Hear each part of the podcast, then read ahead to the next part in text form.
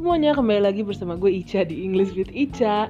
Di episode kali ini gue akan ngebahas tentang poin ke-6 dari 7 poin dalam tahap belajar bahasa Inggris Yaitu speaking. Nah ini jadi sebelumnya gue udah pernah uh, buat kayak semacam uh, Apa kayak semacam uh, voting gitu. Kayak bukan voting sih kayak ya iseng-iseng nanya-nanya gitu Hmm, apa aja sih kesulitan kalian dalam belajar bahasa Inggris? Dan dua jawaban terbanyak. Yang pertama adalah grammar yang kedua tuh hubungan dengan speaking. Jadi um, uh, masalahnya itu ada di kayak semacam nggak ada temen buat latihan atau nggak ada orang yang bisa ngebantu untuk uh, berkomunikasi dalam bahasa Inggris. Kebanyakan tuh uh, ada di dua itu masalahnya. Nah di sini tuh gue pengen sharing apa yang dulu gue lakukan, yang masih gue lakukan sekarang dan uh, tips and tricksnya belajarnya tuh kayak gimana gitu ya. Jadi um, memang uh, kesulitannya bukan kesulitan sih ya. Te, tantangannya ke dalam belajar bahasa Inggris itu ketika kita ber, mau belajar untuk berkomunikasi. Jadi dulu gue sempat cerita kalau gue pernah ada di uh, sikon yang gue tuh gue tuh lebih lancar dalam berbi uh, berbicara dalam teks dibanding berbicara secara uh, uh, lisan gitu. Dan itu gue udah mul dan itu gue itu berlangsung cukup lama gitu dari uh, kayaknya sekitar gue SD SMP SMA pun gue masih kayak gitu sampai akhirnya gue um, berlatih itu saat kuliah.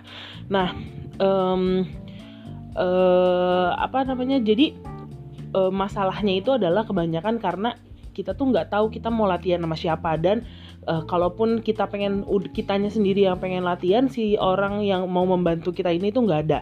Nah jadi dulu yang gue lakukan adalah um, ceritanya itu gue tuh semacam kayak termotivasi karena uh, gue tuh ngerasa ketika gue berbicara di depan publik dalam bahasa Inggris gue ngerasa kayak kok gue nggak bisa dan sebagainya dan malu dan gak pede untuk ngomongnya. Jadi pernah uh, uh, apa namanya uh, waktu gue masih sekolah ada salah satu teman gue yang uh, dia juga lumayan jago bahasa Inggrisnya. Nah, pada saat itu gue tuh tahu kalau gue uh, dalam menulis atau dalam teks gitu gue uh, cukup lumayan kemampuannya.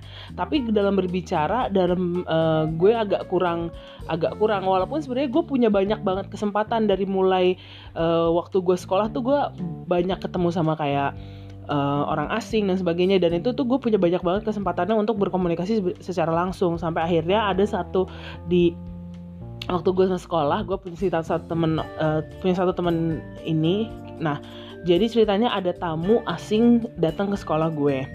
Terus ceritanya gue gue duduk sebelahan sama si temen gue ini. Nah uh, ketika dia ditanya sama orang asing tersebut jadi yang pertama ditanya tuh gue. Nah pas gue ditanya tuh gue kayak deg-degan gitu loh karena di satu sisi mungkin gue excited di satu sisi bingung tapi kayak mau ngomong apa tapi kayak pengen mau ngomong jadi yang ada gue blank gitu mau ngomong apa. Nah sampai akhirnya gue ngeliat dia ketika dia ditanya dan eh nggak waktu itu nggak nggak duduk sebelahan deng tapi uh, ada di baris yang sama gitu.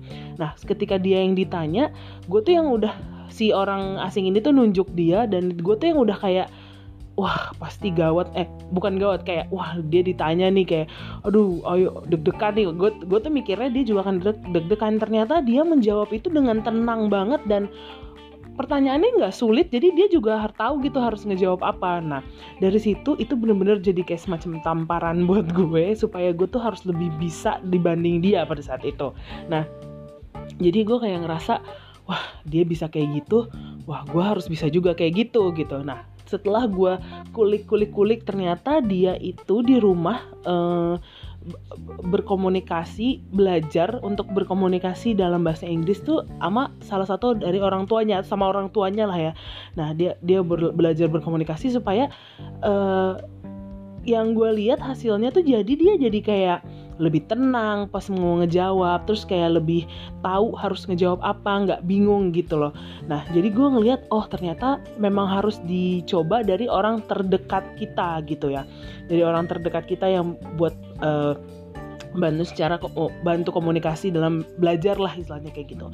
Nah, gimana kalau misalnya nggak ada di lingkungan uh, kecil kita, di lingkungan terdekat kita tuh nggak ada orang yang belajar dalam bahasa Inggris? Bisa dicoba juga kayak gini. Ini gue lakukan ya. Jadi uh, di keluarga gue itu uh, kebetulan sih sebenarnya keluarga gue ini ada beberapa yang bukan orang Indonesia atau mereka orang Indonesia tapi mereka tinggal di luar negeri dalam waktu yang cukup lama. Jadi keluarganya tuh udah uh, anak-anak ponakan-ponakan gue tuh udah banyak yang nggak bisa bahasa Indonesia. Jadi itu sebenarnya memaksa gue untuk bisa berkomunikasi dalam bahasa Inggris gitu. Karena ya gimana kalau mereka datang ke sini gitu kan. Itu yang sebenarnya memotivasi gue juga sih sebenarnya. Nah gimana caranya kalau nggak ada yang nggak uh, ada yang deket? Jadi uh, apa namanya gue tuh ada gue punya beberapa teman dekat yang kita itu uh, kalau ketemu atau kalau nelfon itu kita usahakan pakai bahasa Inggris gitu. Nah sebenarnya banyak akan banyak banget orang-orang yang uh, dalam tanda kutip nyinyir kayak ah lu so Inggris gitu-gitu. Cuman pada saat itu sebenarnya niat kita tuh selain untuk belajar tapi kayak supaya orang-orang tuh nggak tahu kita tuh lagi ngomongin apa. Kalaupun tahu paling cuman satu dua orang sebenarnya pada saat itu gitu. Jadi uh, jadi memaksa gue untuk bisa bahasa Inggris gitu kan. Karena waktu itu gue ngeliat teman gue ini lebih lancar dari gue, jadi gue kayak ngerasa aduh gue harus bisa juga gitu. Nah jadi coba uh, misalnya kalian bikin grup sama teman-teman sama teman main atau apa coba belajar untuk berkomunikasi yang lancar-lancar yang uh, simple-simple aja dulu yang menurut kalian kalian akan lancar ngomongnya. Coba komunikasi itu dalam bahasa Inggris. Kalau nggak tahu mau ngomong apa ya coba bikin topiknya dulu mau ngomongin apa. Kalian coba oh gue pengen ngomongin ini. Sampai akhirnya bisa uh, apa namanya tahu untuk apa yang harus diomongin dalam bahasa Inggris. Dan gak usah panik dan gak usah deg-degan nyantai aja. Semua itu proses belajar. Orang mau ngomong apa sebenarnya nggak apa-apa. Toh kita sebenarnya dalam uh, proses belajar gitu ya. Dan itu itu yang gue lakukan. Jadi gue sempet kayak misalnya um, ketemu sama teman gue ini terus kita lagi ada misalnya di bis atau di mana kita ngomong pakai bahasa Inggris gitu. Walaupun sebenarnya niatnya tuh biar nggak ada orang yang tahu bukan karena buat gaya-gayaan tapi itu menurut gue salah satu belajar yang paling mudah juga gitu.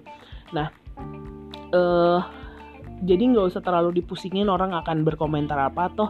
Itu untuk kebaikan dan untuk kebaikan kita dan itu udah emang uh, salah satu proses belajar kita gitu. Nah yang kedua uh, jadi kebetulan gue memang punya banyak teman yang uh, mereka berasal dari uh, negara yang bahasa bahasa utamanya adalah bahasa Inggris. Jadi itu gue memang jadi ter lebih terbiasa sih, lebih terbiasa untuk mendengarkan mereka dengan aksennya, dengan cara bicaranya, dengan tempo berbicaranya. Jadi ketika dia uh, berbicara, gue apa namanya uh, terbiasa untuk mendengarkan dan uh, mulailah dari topik-topik yang mudah, yang simple gitu. Jadi gue tuh tahu gue ngomong apa gitu. Yang nanti toh sebenarnya si orang asing itu sebenarnya mereka akan uh, mengerti gitu kita ngomong apa uh, mereka juga nggak terlalu yang pikirin grammar atau gimana itu menurut gue uh, spesialnya uh, belajar speaking. Karena belajar speaking itu yang penting kita belajar dulu untuk mau mulai berbicara. Nggak usah terlalu mikirin grammar atau yang lain. Jadi beda sama belajar grammar atau belajar uh, belajar reading dan sebagainya. Speaking tuh yang penting kita mulai dulu kita berbicara dulu gitu. Uh, kita berbicara dulu. Jadi kita pede dulu untuk ngucapnya untuk masalah grammar dan sebagainya.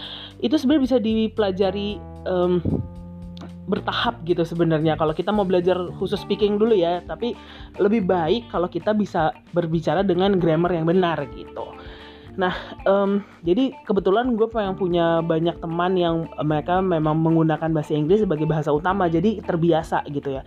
Yang kedua, gimana caranya untuk ngedapetin teman yang kayak yang uh, bisa berbe yang dari negara lain gitu.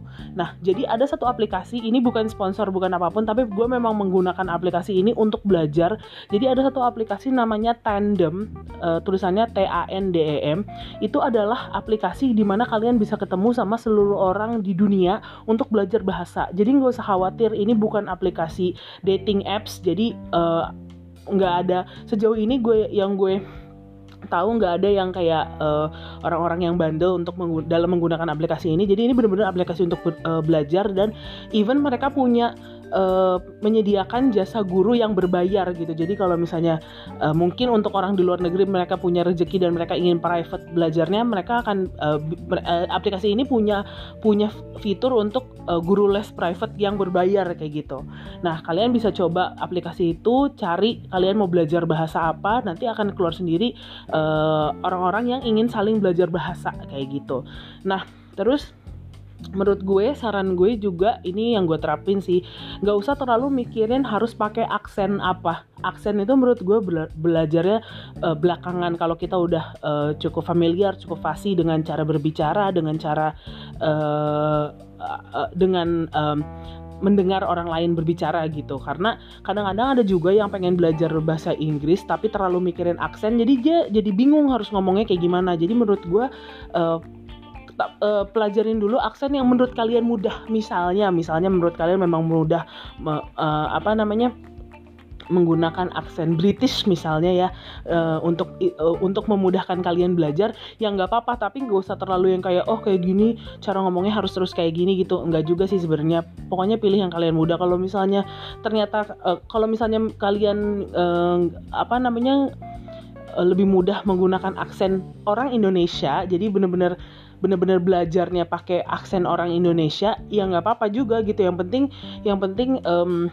apa namanya berus uh, belajar untuk uh, uh, belajar untuk ngomong dulu gitu komunikasi dalam bahasa Inggris. Nanti kalau misalnya ke depannya kalian udah lancar, udah tak udah udah sering ngedengerin orang ngomong dengan berbagai macam aksen, berbagai macam tempo dan kalian tahu responnya kayak apa, harus ngomongnya apa, ditambah lagi dengan bener uh, harus ngomongnya itu dengan grammar yang benar gitu.